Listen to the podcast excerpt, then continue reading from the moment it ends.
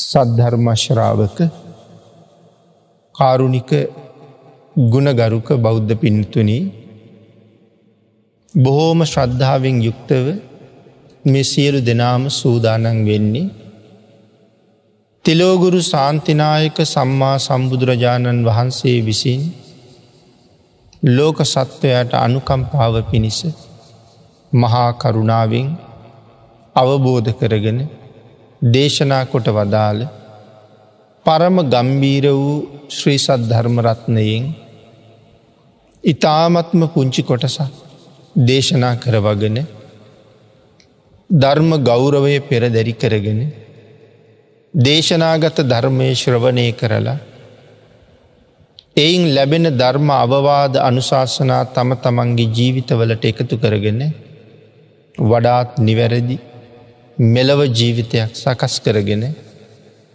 නිවැරදි වුණ මෙලව ජීවිතයක් තුළින් සුගතිගාමී වූ පරලොව ආයිති භවයකින් සැනසිලා අවසානයේ ප්‍රාර්ථනා කරන බෝධීෙන් සැප සහිත ප්‍රතිපදාවෙන් ඉතාම ඉක්මං භවයක කෙටිම කාලයකින් පහසුම ආකාරයෙන් මේ සසර දුක කෙරවල කරලා උතුම් නිර්වාණ ධර්මය අවබෝධ කරගෙන සදාකාලික සුවයෙන් සැනසීමේ බලාපොරොත්තු ඇතුවයි. පින්නතුනී අද ධර්මදේශනාවේ මාතෘකාව හැටියට මම යොදාගන්න කල්පනා කළේ ධම්ම පද පාලියේ සඳහන් වන භාගිතුන් වහසගේ ශ්‍රී මුකහෙෙන් දේශනා කොට වදාළ උතුම් ගාතහරත්නයක් මාතෘකාව කරගන්නට. පරිජින්න මිදං රූපන් රෝග නිඩ්ඩං පභංගුර බිජ්ජති පුති සන්දේබෝ මරණං තම්හි ජීවිත. අපේ භාගිතුන් වහන්සේ මේ ගාථරත්නය දේශනා කොට වදාලේ එක්තරා භික්‍ෂුණීන් වහස නමක් කරමුණු කරගෙන. පින්නතුනී භාගිතුන් වහස වැඩඉන්න කාලි පැවිදි වෙච්ච එක භික්‍ෂුණීන් වහසේ නම. ශාසනයේ බොහෝ කාලයක් මනාව සිල්ගුණ සම්පූර්ණ කරගෙන දැන් ජීවිතයේ අවසාන කාලිට එකන් ඇවිල්ල. බොහෝම වයිසයි. එක දවසක් පිඩිසිංගා වඩින වෙලාවේ අපේ භාගිතුන් වහන්සේ මගදි මුණගෙහුණ. මේ භික්‍ෂුණීන් වහන්සේගේ විශේෂ ගුණයක් තිබුණා. තමන් පිඩුසිංහා වැඩල දානෙ ටිකක් තමන්ට ලැබුණ හම හදිසිය ඔයාතර භික්‍ෂූන් වහන්සේ නම තවත් භික්‍ෂුණීන් වහන්සේ නම පින්ඩ පාති වඩිනවා දැක්කොත් තමන්ට ලැබුණ දානිටික බොහෝම සතුටින් පූජ කරනවා. නැවත පිඩිසිගා වඩින්න වෙලාව තිබුණු නැවත වැඩලා තමනුත් වලඳනවා. එහෙම නැත්තන් එදා දවසම නිරාහාරව ඉන්නවා. එක විශේෂ ගුණයක් ඒ භික්‍ෂුණීන් වහස ළඟ තිබිච්චේ. පින්නතන එදා භාගිතුන් වහසේ මගදි මුණගැහෙනකොට දවස් කීපයක්ම ආහාර අරගෙන නැතුවයි හිටියේ. හුඟක් වයසයි. දින තුනහතරක් ආහාර නැති නිසා දැන් හුඟා කායික වෙහෙස දැනෙනවා. එහෙම වෙලාවක තමයි මේ පින්ඩ පාත්‍රය පිටත් වෙලා ඉන්නේ. භාගිතුන් වහසේ දැකළ මග ඉඩ දෙන්න ඕන නිසා මාර්ගයෙන් ටිකක් ඈත්වෙනකොට තමන්ගේ සිවුරු පොටත් පෑගුණා පාරත් පටු තැන ඒ භික්‍ෂණීන් වහන්සේ මහමග ඇද වැටුණ.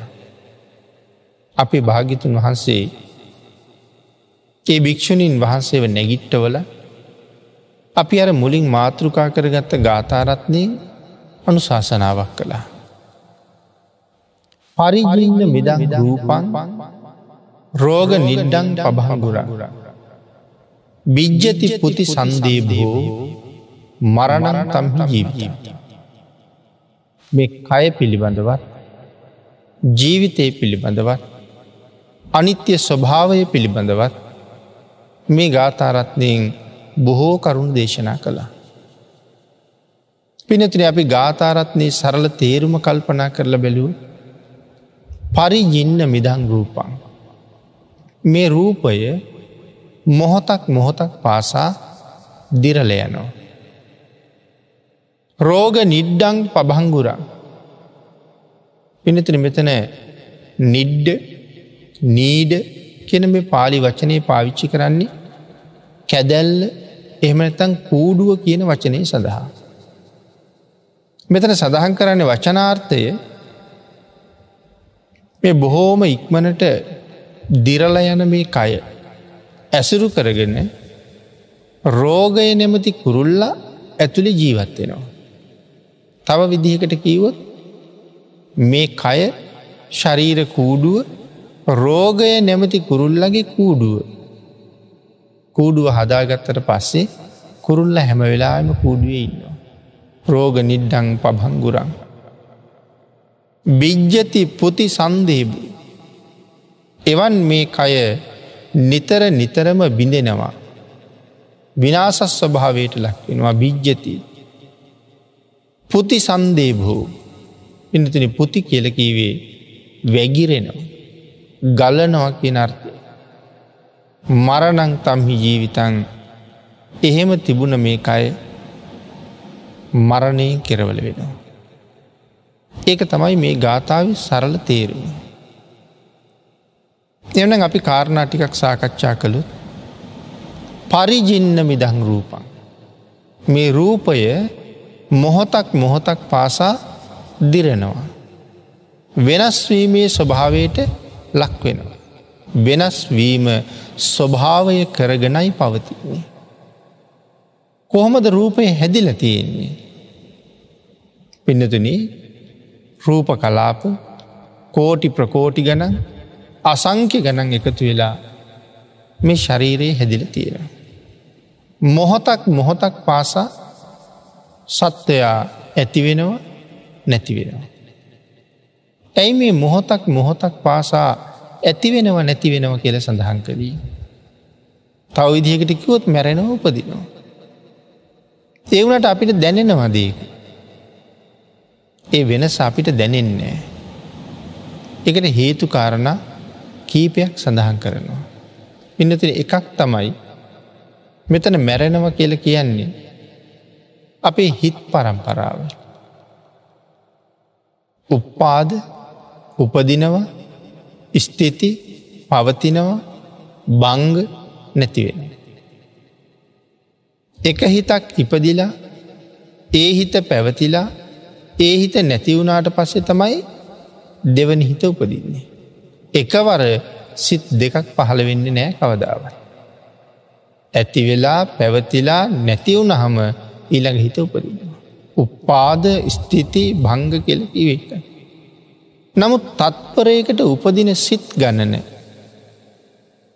කෝටි ගණන් ප්‍රකෝටි ගණන් තත්පරයකට සිත් උපදිනවා. අපි දන්නවා තත්පරයක් කියල කියන්නේ කොයි තරං සුළු කාලයක්ද කියලා. මේවාගේ සුළු කාලයක් තුළ කෝටි ප්‍රකෝටි ගණන් සිත් පහළ වෙන නිසා මේ කය ඇදවැටින්නේ නෑ. මැරෙනවා කියන සංඥාව අපට හරියටම තේරෙන්නේ. ගැපිලි සඳහන් කළා හිතක් උපදිනවා හිතක් පවතිනවා හිතක් නැති වෙනවා. එතොට හිත නැතිවීම එක තමයි මේ මරණයට පත්වෙන කාලය කියල කීවි. නමුත් අපි ඇද වැටෙන්ට දෙන්න ඇතු ඒ එක්කම නැවත සිතක් උපදිනවා. ඒ සිතත් පවතිනවා. ඒ සිතත් නැතිවෙනවත් එක්කම ඊළඟ හිත උපදිනවා. අන්න එහෙම වේගෙන් ක්‍රියාවලියක් සිද්ධ වෙන නිසා තමයි අපිට තේරෙන්නේ අපි හැමදාම ජීවත්වෙනවාගේ.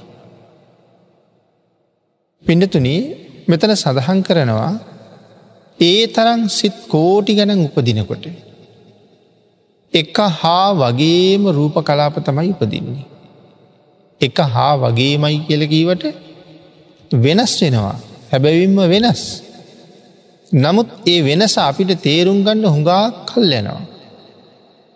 ඒකයි මෙතන එහෙම සඳහන් කරන්න. අන්න ඒ නිසා තමයි ඊයේ හිටපු කෙනාම තමයි අදත් දැක්කෙ කියලා හිතෙන්නේ. එම නැත්තං ධර්මාර්ථය හොඳටම වැටහෙනවන්නන් මේ වාඩිවිච්චාය නැගිටිනකොට මීට වඩා හුඟක් වෙනස්. අනිත් කාරණාව තමයි පින්නතුනී. අපි දකින්නේ වාඩි වෙච්ච කෙනාමයි නැගිටින්නේ කියලා. ඒ කෙනා කවදාවත් මෙතනින් නැගිටින්නේ නෑ. වාඩිවෙච්ච කෙනා නෙමෙයි නැගිටින්නේ. වෙන කෙනෙ. නමුත් එක වගේම රූප කලාප නිසා අපිට ඔහුමයි ඇයමයි කියලා හිතෙනවා. එක වගේම රූප කලා පැතිවෙනවා කියල කිය හම පිනතුරි මෙහෙම හිතන්ඩකු. සාමාන්‍යෙන් අපි හැමෝම තොරන් ද කරතිය. තොරණක් දිහා බලාගෙන ඉන්නකොට අපිගේම එක්කො නිල් පාට එලිය නැතන් කහපාට එලිය මේ තොරණ පුරාම යනවා වගේ අපිට පේනවා. ඇත්තටම එහෙම එලියක් තොරණ පුරාම යනවද. එහෙම එලියක් ඒ තොරණ යන්නේ යන්නේ නෑ. අපි දකිනව තොරණ දැල්වෙන්නේ නැතිකොට. අර වටේට රවුන් රවුන් හැම තැනම තියෙන්නේ එක වගේම විදුලි බුබුලු ගොඩක්. එතකොට රෑට බලනකොට පාට එලියක් යනවා වගේ පේනවා. අර විදුලි බුබුලු බොහොම වේගෙන් දැල්විලා නිමිල යනවා. ආන්ගේ දැල්වීමේ නිමීමේ කර්තව්ගෙන් වේගවත්කම නිසා අපිට දැල්වෙන වනිමෙනව කියන කතාව පේන්නේ නෑ. අපිට පේන්නේ තොරණ පුරාම එකම ආලෝක ධාරාවක් ගමන් කරනවා කියලා. ඒ අර ළඟ ළඟ ළඟ ළඟ දැල්වෙන නිසා. වේගෙන් ඒ කර්තව්‍ය සිද්ධ වෙන නිසා. එන මේ ශරීරයත් මොකක්ද මේ වෙන්නේ. ආගේ තරන් ඊට වඩා හුඟක් වේගෙන් මෙසිත් උපදිනවා. රූප කලා පැතිවෙන. පවතිනවා නැතිවෙනවා. පරිජින්න මිදං රූපන්. මේ රූපය නිතරම බිනෙන. රෝග නිඩ්ඩං පබංගුරන්. මේ ශරීරය ඇසුරු කරගෙන රෝගය නැමති කුරුල්ල ජීවත්වෙනවා. දැ බලන්නක පිඩිතුනි. අපිට ලෙඩරෝග කොච්චර තියෙනවද කියලා. නිමක් නැති ලෙඩරෝග. සමහරව තාම වෛද්‍ය විද්‍යාවෙන්වත් හඳුනගත්තෙවත් නැතිවා. සමහරයට කියනවා දාහකට එකක් විතර හැදෙන ලෙඩ. ලක්සයකට එකක් විතර හැදෙන ලෙඩ. ඉතාම දුර්ලභ රෝග. එහෙම ඒවත් තියෙන. ධර්මය හැටියට අට අනුවක් ව්‍යාදි නව අනුවක් රෝග. එතොට මේවා තියෙන්නේ මේ කයින් එලියේද නෑ මේ කයේ මයි තියෙන්නේ. ඒකයි සඳහන් කළේ රෝගය කියන කුරුල්ලා කූඩුව හදලයි තියෙන්නේ. ඒඇන මේ සංසාරි යන බව ගමනේ අපි කරගත්ත කුසලා කුසල ධර්මයන් එක්ක මේ භවයට අපට හිමි රූපය තමයි මේ ලැබිල තියෙන්නේ. අපිට හිමි ජීවිතය තමයි මේ ලැබිලි තියෙන්නේ. මේ ජීවිතෙන් පස්සේ කොහොම එකක් ලැබෙයිද කියන කාරණාව අපි තවම දන්නේ තවම දන්නේ නෑ. නමුත් මේ භවයට උරුම ප්‍රමාණය තමයි මේ ලැබිල තියෙන. ඉතින් ඒ ශරීරය අභ්‍යන්තරයේ වගේම බාහිර නානාප්‍රකාර රෝගවලින් හැමවෙලාම් පිල්ල. බිජ්ජති එවන් වූ කය බිදෙනවා. පුති සන්දේබූ ඒ වගේම වැගිරෙනවා. කයේ යතා ස්වභාවය භාගිතුන් වහස පැහැදිලි කරනවා.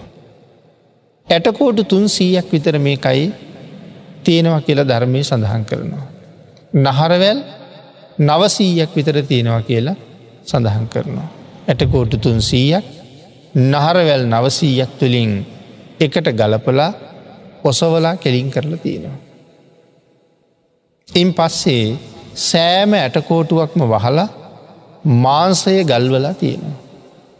හැම ඇටකෝටුවක් කරහාම මතුපිටිං මස් තියෙනවා. ඇතුළෙ කුහරයක් තියෙනවා. ඒ කුහරය තුළද තවත් නොෙක් දේවල් පිරල තියෙනවා.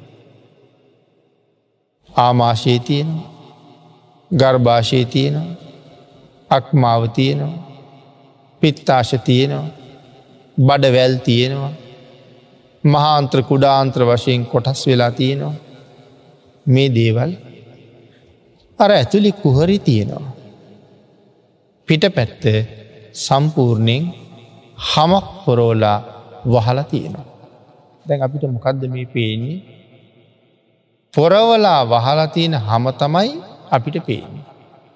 ඒ ඒ පුද්ගලයාගේ හම විවිධයි. සමහරුන්ගේ හුඟාක් සුදුයි. සමහර අය නං තලෙලලුයි තව සමහරය කළු පාටයි. විවිධ විවිධ ප්‍රබේද මේ හමේ තියෙන.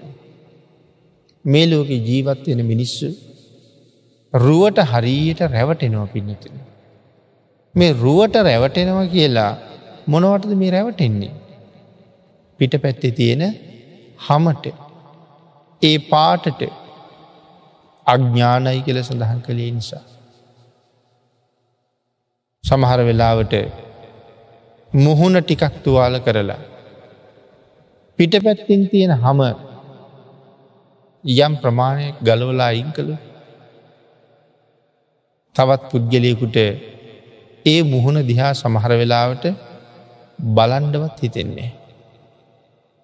පුංචි දරුවෝ හරියට අපි සිපගණ්ඩ කැමති. නම් හිතන්ටක එක කම්මුලක් පැත්තේ ඔක්කෝම හම අයින් කෙරුවොත් කවදාවත් ඒ පැත්තත් සිපගණ්ඩ හිතෙනවද කියලා. එනම් වැඩිහිටි ජීවිතත් එහෙමමම තමයි. අපි මේ හම නිසා තමයි මේ සුභවාදී ආකල්පයක් අරගෙනන්නේ. නමුත් කිසිම සුභවාදී බවක් කිසිම සුභවාදී බවක් නෑ. අභ්‍යන්තරය ඉතාමත්ම පිළිකුල් සහගතයි. සමහර කෙනෙකුගේ තුවාලයක් නමුත් දැක්කහම තවත් කෙනෙකුට කලන්තය හැදෙන ස්වභාවෙන් යුක්තයි. අනික බලන්ඩ කැමති නෑ බෙහෙද්දාන තැනක ඉන්ඩ කැමති නෑ. දකිින් දක මැති නිසා. නමුත් ඒ සියල්ලම මේ හමට යට හමට යට තියෙන. නමුත් කරුණු කාරණා නොදන්න නිසා මේ හම දිහා බලලා හුඟක් අය හරියට පව් කරගන්න. කුසල් කරලා ප්‍රාර්ථනා කරන්නත් පුළුවන්. ද සමහර වෙලාවට මහමුගලන් මහරහතන් වහන්සේ. උත්පලවන්න රහත් මෙහිණින් වහන්සේ. ඔය මහා පදුම දේවියවාගේ අය වර්ණ පූජා කරලා වර්ණ ප්‍රාර්ථනා කරලා තියෙනවා. උත්පලවන්නා රහත් මෙහිණින් වහන්සේත් නිල් මහනෙල් මල් පූජ කරලා මේ මල්පෙති යම්සේ වර්ණවත්ද මටත් එවන් ලස්සන හමක් ලැබෙන්ඩුවනේ වර්ණයක් ලැබෙන්ඩුවන කියලා ප්‍රාර්ථනා කළා. මහමුගලන් මහරහතන් වහන්සේත් එහෙමයි. නිල් මහනිල් පූජ කරලා කරපු ප්‍රාර්ථනාවක ප්‍රතිඵලයක් නිසා තමයි නිල් පාට වෙලායි. නමුත් වර්තමානය අපි හුඟක් සඳහන් කරන්නේ කරපු අකුසල කර්මයක් නිසා දුර්වර්ණයි කියලා. පිනතින එහෙම වෙන්ඩ හේතුවක් නෑ. මොකද මේ සංසාරය වර්ණ සම්පත්තිය ප්‍රාර්ථනා කරලා ලබන්ඩත් පුළුහන්. ඒ ප්‍රාර්ථනා කරන්නත් වර්ණ පූජා කරනවා නම් හරි වටිනවා. ආගේ නිසා අපිටත් ඕනෑම වර්ණයක් පූජ කරලා ප්‍රාර්ථනා කරන්න පුළුවන්. නෙළුම් මලක් වේවා මහනිල් මලක් වේවා කිනිහිරි මලක් වේවා මහාකප්පින මහරජ්ජිරුවන්ගේ බිසව. රන්වන් පාට සිරුරක් ලැබෙන්ඩි කියලා කිනිහිරි මල් පූජ කරලනි ප්‍රාර්ථනා කරන්න. ඉතින් ඒවාගේ ප්‍රාර්ථනාවක් ඒ කාන්තයම විපාක දෙනවා. පිනතිරි ප්‍රඥ්ඥාව සහිතව ප්‍රාර්ථනා කරන්න ඕනේ. වර්තමානය වනත් හිතල බලන්ඩකු. ඉතාම ලස්සන රූපයක් තියෙන අය වැඩිපුර කුසල් කරනවට වඩා අකුසල් කරගන්න ස්වභාවය අපි සමාජය දකිනවා. ඒ මොකක් නිසා දෙයක් කුසල් කරගන්නේ. ඒ ලැබිල තියෙන රූපය නිසා. එමන අපිට වනත් ප්‍රාර්ථන කරන්න පුළුවන්. ඇබ ප්‍රඥාවත් තිබුණොත් හොඳයි කියලා හිතෙනවා. මේ තරං ලස්සන රුවක් ලැබුණට කමක් නෑ. හැබැයි ඒ ලස්සන කවදාවත් මට සතරාපායට පාරක්ම වෙන්ඩෝනේ. ඒ ලස්සන කවදාවත් මට රාගයෙන් මුසපත් වෙන්ඩ හේතුවක් නොවෙන්ඩුවනේ. අං ඒවාගේ කරුණු පිනතිනි ප්‍රාර්ථනා කරලා තියාගණ්ඩුව නෑ නැත්තං අකුසලේටම යොමුුවෙන්ඩ තියෙන අවස්ථාව බොහොම වැඩිවෙන. එන අපි සඳහන් කර කර හිටියේ මේ කය බිඳෙනවා. එක හා සමාන රූප කලාප ඉපදුනත් පිනතුන අර තොරණි නිල් පාටෙලියක්ම එක දිගටම ගමන් කරනවා. හැබැ හදිසියම ඔය නිල් පාට අතරේ කහපාට බොබුලක් දැල්ලුණු අපිට එක පාරම වෙනස පේන්නද වෙනස පේනවා. එක වගේම රූප කලාප උපදිනවා. හැබැයි හදි සීතුවාලයක් වුණු වෙනස පේන්නද. එතන උපදින්නේ ඊට සමාන් රූප කලාප. අන්න ඒ නිසා වෙනසක් එක පාරම පේනවා තුවාලයක් ඇතිවෙච්ච නිසා. නමුත් බිඳි බිඳී යනවා. දැන් හිතල බලන්ඩකෝ අපිටත් ළමා කාලයක් තිබුණා. සමහරලාට ගෙවල්වල තාමත් ඇති දන බඩගාන කාලි අරගත්ත පින්තූරය. ඒ පින්තූරේ දිහා බලලා දැන් තමන් ගැන හිතල බලහම මොන තරන් වෙන සක්ද මේ වෙලා තිය. ලදරු කාලයේ තිබිච්ච ස්වභාවය දුව පැන ඇවිදින ළමා කාලයනකොට වෙනස් වෙලා. ඒ ස්වභාවය අවුරුදු දහයක් දොළහක් පහළුවක් එනකොට ඊටත් වඩා වෙනස් වෙලා. නව යොවුන් වී තිබුණ යම් රූපයක් තියෙනවාද ඒ රූපයත් වෙනස් වෙලා. මැදියම් වයසට එනකොට ඉන්නේ ඊට වඩා හාත් පස වෙනස් වෙච්ච කෙනෙ. සැඳෑ සමීට යනකොට මැදියම් වයස හිටපු කෙනටත් වඩා හුඟාක් වෙනස් වෙච්ච කෙනෙ. එනම් මොකක්ද දැම්මේ වෙලා තියන්නේ. බිඳිලා වෙනස් වෙලා විනාසස්ව භාවයට ගිහිල්ලා දැන් අපිට වෙනස පේනවා. පෙර කාලේ ඡායාරූපයක් එක සංසන්ධනය කර කර බලනකොට අපිට තේරෙනවා මොන තරන්නම් වෙනස් වෙලාද කියලා. කායික ශක්තියත් දැන්නේ. ඒ කාලිනම් කොච්චර වැඩ කලාද. වැඩි හිටියෝ පස්සෙ කාලේ ඒ දේවල් ගැන කිය කිය උදන් අනනවා. කුඹුරු කොටන්ඩ ගිහම මෙහෙමයි. හේෙන් කොටන්ඩ ගිහම මෙහෙමයි. අපි පාසල් යන කාලේ ඔය ධාවන තරංගොලට එකතු වෙච්ච හම මෙන්න මෙහෙමයි දීවී ඔය නොඒ දේවල් කියනවා. පිනතින කෝරව්විය මහරජ්ජිරුව. රට්ටපාල මහරහතන් වහස ළඟට ඇවිල්ල. කරුණු බොහෝමයක් සාකච්ඡා කළා. අංගිතන එක කරුණක් තියෙනවා මට මමවත්නය කියන. කොර විරජරු අහනු ඇයි ස්වාමී නිහෙම සඳහන් කළි. ඒ වෙලාවේ රහතන් වහසේ නැවත අහනවා මහරජෝබට මතකද ඔබේ තරුණ කාලි. ඒමයි ස්වාමීනි මට හොඳට මට හොඳට මතකයි. ඒලයි රහතන් වහන්සේ හනවා මහරජය ඒ කාලි කොහොමද කායික ශක්තිය ස්වාමීනි මොනවහනවාද. මම දුවන මූ පිටිපස් එලවලා මූ අල්ලනවා. දුවන අශ්‍යයෝ පිටිපස් එලවලා අශ්වයෝ අල්ලලා මෙල්ල කරනවා. ස්වාමීනී ඔවුන් සමඟ පස්සෙන් දුවනකොට මට හිතුනේ කෝරව්යට ඉරදියක් පහළ වෙලාද කියලා. මං ඒ තරං වේගෙන් කියනවා.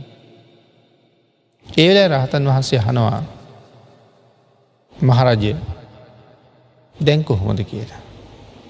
ස්වාමීණි මොනවාහනවාද. දැම් මම කොච්චර වෙනස් වෙලාද. ස්වාමීණී කොයි තරං වෙනස් උනාද කියල කියනවනං දැම් මේ ඉන්ද්‍රියෝ මට අඩංගුණේ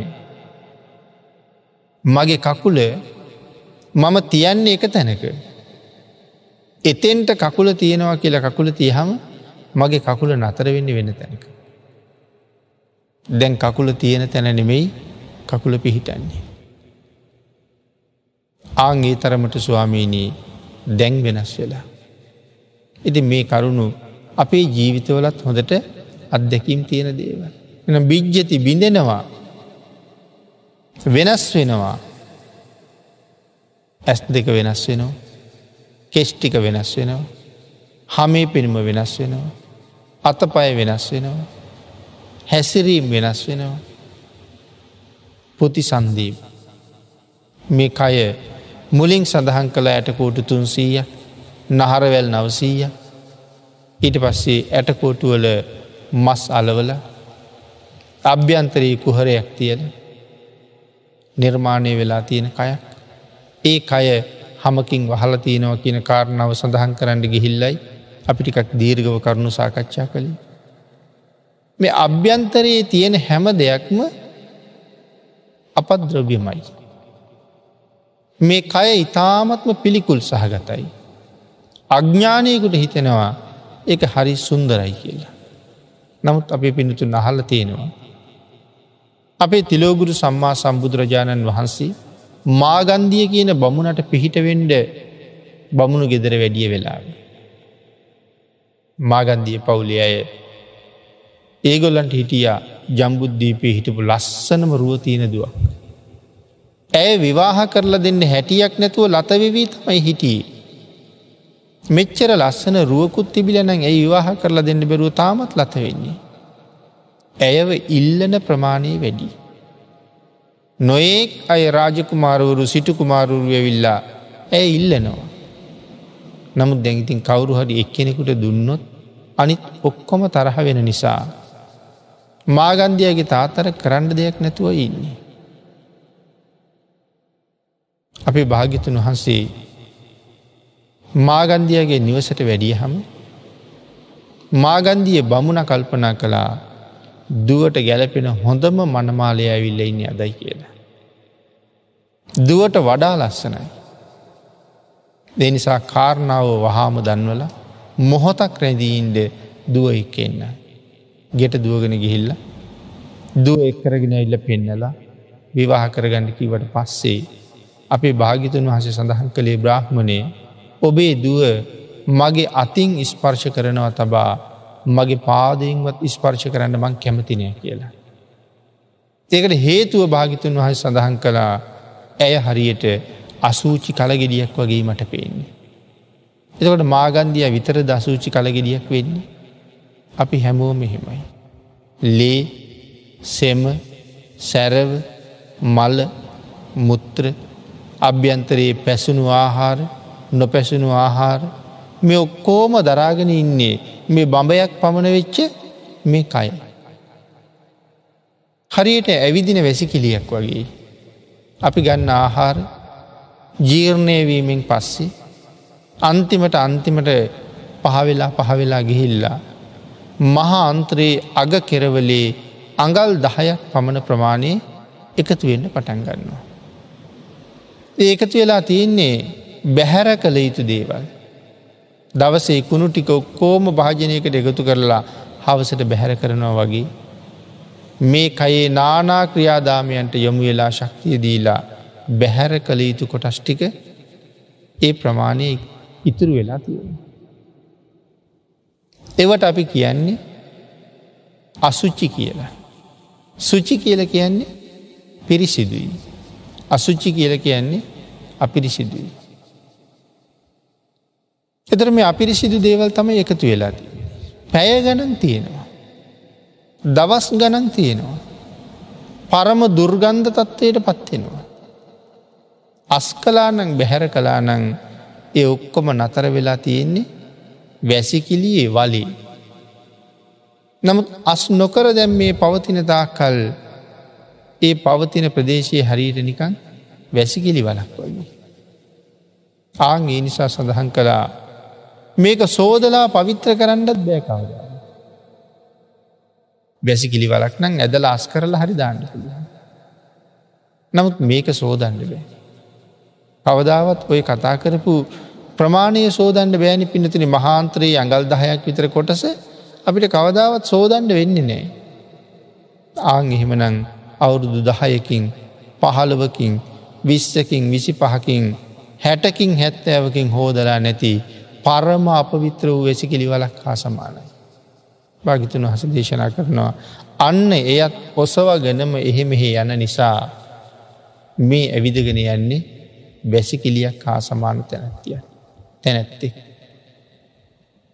ඒ විතරක් නෙමෙයි මුත්‍රාශයකුත් තියෙනවා ඒකත් නිතරම පිරෙනවා. එතට මේ යනකොට මලයි මුත්‍රායි දෙක මාරගෙන අපියන්නේ. ආංගේ නිසා සඳහන් කළා ඇවිදින වැසිකිලිය ඇවිදින කැසිකිලියක් හා සමානයි කියලා.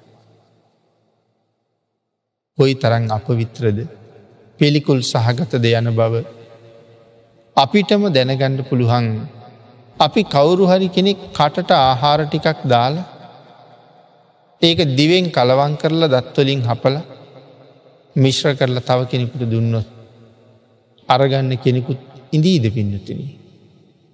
ගන්න නෑ කවුරුව. ඉතාම සුවදට මේසෙවුඩ තිබුණ ආහාර. එතනින් බෙදාගන්න හැමෝම කැමති. නමුත් ඒ ආහාරයම මගේ කටට දාලා කෙලත් එක්ක මිශ්‍ර වුණාට පස්සේ ඒක ගණ්ඩ නම් කිසිම කෙනෙක් කැමැත්තක් දක්වන්නේ නෑ. නමුත් එලිය යනකොට කරට උඩින් අතදාගෙනත් යනවා අතින් අල්ලගෙනත් යනවා සමහර වෙලාට ඔසව ගැනත් අරං යනවා පිළිකුල් බවක් තියෙනවද ඇයි නැත්තේ අභ්‍යන්තරය ඔක්කොම මේ හමෙන් වහල තියෙන නිසා. මායාවක ජීවත් වෙන අපි මේ අභ්‍යන්තරය ගැන හිතන්ඩ පෙළඹෙන්නේ නැති නිසා බොහෝසේ යකුසල් රැස් කරගන්න. ඒ විතරක් නෙමෙයි බිජ්ජති බිඳෙනවා කියල කිව්වා. පුති සන්දහේ වූ වැගිරෙනවා කියල සඳහන් කළා. ඒ කාරණාවත් භාගිතුන් වහන්සේම දේශනා කරනවා. අනූ නමදාහක් විතර. රෝමකූප මේ ශරීරී තියෙනවා. මේ හැම රෝම කූපයක් ගානිම සිදුරක් තියෙනවා. ඒ සිදුරුවලින් නිරන්තරයෙන් එලියට බැහැර කරන. මොනවදේ දහදිය වගේ දේව. මතුවෙන්නේ ඒ රෝමකූප ගාව තියෙන සිදුරුවලින්. රත්වෙනකොට විවෘත වෙලා මතුවෙන. ඉතර මේ අපද්‍රව්‍යයක් බැහැර කරන්න. දහදියවල කිසි පලක් නෑ සුවඳක් නැහැ. අපි දාදිය දුර්ගන්ධය තියෙන නිසා වස්ත්‍රාදියත් සෝදල දානවා.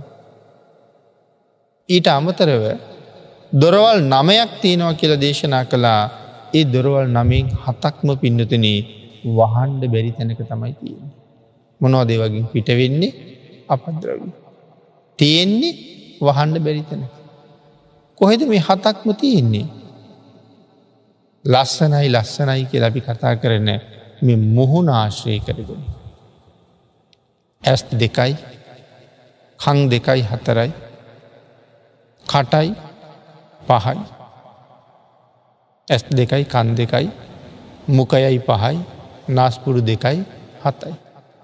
මේ කිසිම දවාරයකින් කවදාවත් රංගදී මුතුමැනික් ඇවිල්ලමනේ. තව කෙනෙක් දැක්කොත් පිළිකුල් හිතන දෙයක්ම තමයි තියෙන. ආංගින්සා අනුන්ට හොරෙම්ම ගිහිල්ල බැහැර කරලයනවා. එතට මේ තමයි වැගිරෙනවා. බිජ්ජති මල මූත්‍රා කරන දොරටු දෙකක් තියෙනවා. එතකොට නමයයි. ඒ ප්‍රදේශයේ අපිට වහල තියෙන්ට පුළුවන්. නමුත් මුහුණ කොහොමත් වහල තියෙන්ට බැරි නිසා අපද්‍රව්‍ය ගලන දොරටු හතක් මුහුණ ආශ්‍රය කරගෙන පවතිනවා. නමුත් රාගයෙන් රත්තිච්චහම එහෙම කාරණාවක් කවදාවත් තේරෙන්නේ තේරෙන්නේ. අන්න ඒ නිසා කෙතරම් පිළිකුල්ලුනත් සමහරාය මේ කයි නිසා බොහෝසේ යකුසල් රැස් කරන. මරණං තම්හි ජීවිතන්. මෙහෙම පවතින මේ අය කවද හරි දවසක මරණයෙන් කෙරවල වෙනවා. එක තමයි මේ ජීවිතයගේ ස්වභාවය. උපන්නොත් යම් කෙනෙක් අනිවාර්යම මැරෙනවා. ඒ බව සත්‍යයි හැබැයි ඒ වුණට මැරෙන්නේ කවදද මැරෙන්නේ කොතනද මැරෙන්නේ කොහොමද මැරෙන්නේ මොන හේතුව නිසාද මැරෙන්නේ කොයි වෙලාවෙද මේකක්වත් අපි දන්නේ අපි දන්නේ. අපි දන්නේ එකයි ඉපදුනොත් අනිවාරයම මැරෙනවා කියන්න දන්නවා. මේ ඉන්න හැම කෙනෙක්ම මැරෙන බව ඇත්ත හැබැයි සූදානන්ද කියන කාරණාව දන්නේ දන්නේ නෑ. මරණය හැමෝටම සර්ව සාධහරණයි. බලදාසල බීමසේනලාවාගේ මහා ශක්තිවන්තයෝ මැරිලගිය. ඒ ශක්තිය පාවිච්චි කරලා තව ටිකක් ජීවත්වෙන්ට බැරුව ගියා. මිනිස්සු කෝටි සීයක විතර ශක්තිය දරන නන්දිමිත්‍රාදී මේ රටේ හිටපු මහයෝධයොත් දැන්නෑ මැරිල ගිහිල්ල. ඒ තරංකාය ශක්තියක් දරල. මිනිස්සු කෝටි සීයක විතර ශක්තිය. නමුත් ඒ ශක්තියෙන් මාරය තල්ලු කරන්න පුළුවන්කමත් තිබුණද එහෙම දෙයක් නම් කවදාවත් කරන්න බෑ. එවන් ශක්තිවන්තයොත් මැරුණා. මහා ඉර්දිවන්තයොත් මැරුණා. මහමුගලන් මහරහතන් වහන්සේ මේ ශාසය හිටපු මහා ඉර්දිවන්තය. නමුත් අතීත කරුමක් විපාකාරගෙනම එවන් මහා ඉර්දිවන්තයත් පිරිනිවම් පෑවා. මහා ප්‍රාග්ඥයින් වෙච්ච බොහෝ දෙන පිරිනිවම් පෑවා. මැරිල ගියා. මේ ශාසනයේ මහා ප්‍රඥාවන්තය කියලා ඉතාම ප්‍රචලිත සාරිපුත්තයන් වහන්සේත් පිරිනිවම් පෑව. එතරම් ප්‍රඥාවකින් මාරයා මුලා කරන්න කල්පනා කළේ කල්පනා කළේ නෑ. සියලු දෙනාටම උසස් වෙච්ච තෙලවගුරු භාගිතුන් වහන්සේ. අවසාන කාලි සමාධීන් කෝටි ලක්ෂ විසි හතරකට සමවදිනවා. පරනිර්වාණ මංචකි. මේ සමාධීන් කෝටි ලක්ෂ විසි හතරටම සමවැදෙනකොට. එකින් එකට එකින් එකට සමවාදිනකොට භාගිතුන් වහන්සේගේ ශරීර දහත්තුවෙන් නික්වෙන ආලෝකයේද වැඩියෙන. ඒම වෙලා වෙලා දැන් තන්නි කරම ගිනි කඳක් වගේ. හුළං වැදුනහම දෙලිසෙන ගිනි අගුරක් වගේ. ගිනි අගුරක් වගේ දිලිසිලා දිලිසිලා දිලිසිලා. එකන සමාධීන්ට සමවැදිනකොට ශරීර වර්ණය එන්ඩෙන්ඩ වැඩි වෙනවා. එහෙම දිලිසිලා දිලිසිලා අන්තිමට මහා ගිනියගුරු වලකට එක පාරම මහවැස්සක් ඇදහැරුණු. මොකක් වෙනවද භාගිතුන් වහසත් එක පාරම නිමිල ගියා. එනම් මේ ලෝක ඉපදිච්ච හැම කෙනෙක්ම ජීවිතයේ මරණයෙන් කෙරවල කරනවමයි. අපේ භාගිතුන් වහසේ දේශනා කළා මේ ශරීරයේ පිළිකුල් මේ ශරීරයේ දුර්ගන්ධයි මේ ශරීරයේ නිසරුයි මරණයෙන් කෙරවල වෙන්න. නමු මේ ශරීරයේ පාදක කරගෙන අපිට මේ සංසාරයෙන් එතරයන්න පුළුවන්. බොහෝ දෙනා සංසාරයෙන් එතර කරවන්න පුළුවන්. බොහෝ දෙනාට මහා සත්පුරුෂයෙක් වෙන්ඩ පුළුවන්. මනුස්ස ජීවිතයක් සසර නිමක් නැති පින් කරගත්ත ජීවිතය. සම්මාධිට්ටික ජීවිතයක් ඊට වඩා වටින ජීවිතය. හැම මිනිස්සුම එකයි කිය අපි කීවට හැම මිනිස්සුම එක නෑ පින්නතුනි. කුසලයට අනුව ඕනවුන්ගේ වෙනස්කන්තියනවා. එමනං සම්මා දිට්ටිකත්වය ලබාගත් අය අනික් හැමෝටම වඩා පිනෙන් උසස්. අනික් හැමෝටම වඩා සසර කරගත්ත කුසලේතියෙන. සම්මාධිට්ටික වෙන්ඩ. නැවත නැවත යහපතෙහි පිහිටන්ඩ ලබාගත් අවස්ථාව. ඒ අතර පිරිමි කෙනෙක් වෙලා ඉපදෙනවා කියන එක කාන්තාවක් වෙනවට වඩා තවත් මහත් භාග්‍ය සම්පන්න අවස්ථාවක්. සම්මා දිට්ටික පිරිමි මනුස්ස භවයක් ලබන කෙනෙක් කොයි තරං උතුම්ද. පිරිමි ආත්මයක් හැම කෙනෙකුගේම උසස්. සම්මාධිට්ටික පිරිමි ඒ හැමෝටම වඩා උසස්. දෙවියකුට කරන්න බැරි බ්‍රහ්මයකුට කරන්න බැරි මාරයකුට කරන්න බැරි මහාකර්තව්‍ය පිරිමියකුට කරන්න පුළුවන්. දෙවියන්ට බමුන්ට මරුන්ට කරන්න බැරි මනුලොව පිරිමින්ට විතරක් කරන්න පුළුවන් ය අපූරු කර්තවීමකක්ද. ඇයි පිරිමියා ශ්‍රේෂ්ඨ වෙන්න මෙන්න මේ හේතු නිසා. මොනවදී ලොවතුරා බුදුුවෙන්ඩ දෙවියකුට බ්‍රහ්මියකුට මාරයකුට බෑ. ලොවතුරා බුදුුවෙන්ට පුළුවන් පුරුෂයකුටම පමණයි. පසේ බුද්ධත්වය ලබන්න පුළුවන් පුරුෂයකුටම පමණයි. සක් විති රජවෙන්ඩ පුළුවන් පුරුෂයකුටම පමණයි. සක්‍ර දේවේන්ද්‍ර වෙලා උපදින්ට පුළුවන් පුරුෂයකුටම පමණයි. එහෙමනං එවන් ශ්‍රේෂ්ඨ තැනක ඉන්න පුරුෂයෙක් තමන් කවුද කියන කාරණාව හරියටම තේරුම් අරගත්තොත් ඔහු තමන්ගේ ජීවිතයට කොච්චර සාධහරණයක් කරයිද.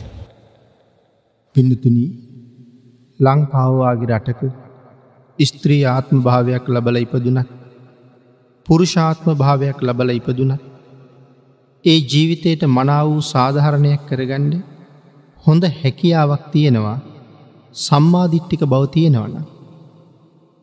ආගේ නිසා ඔබට ලැබිල තියෙන මේ ශ්‍රේෂ්ඨ මනුස්ස ජීවිතයට හොඳ සාධහරණයක් කරගණ්ඩ ඔබ හැම කෙනෙක්ම උත්සාහ කරන්න.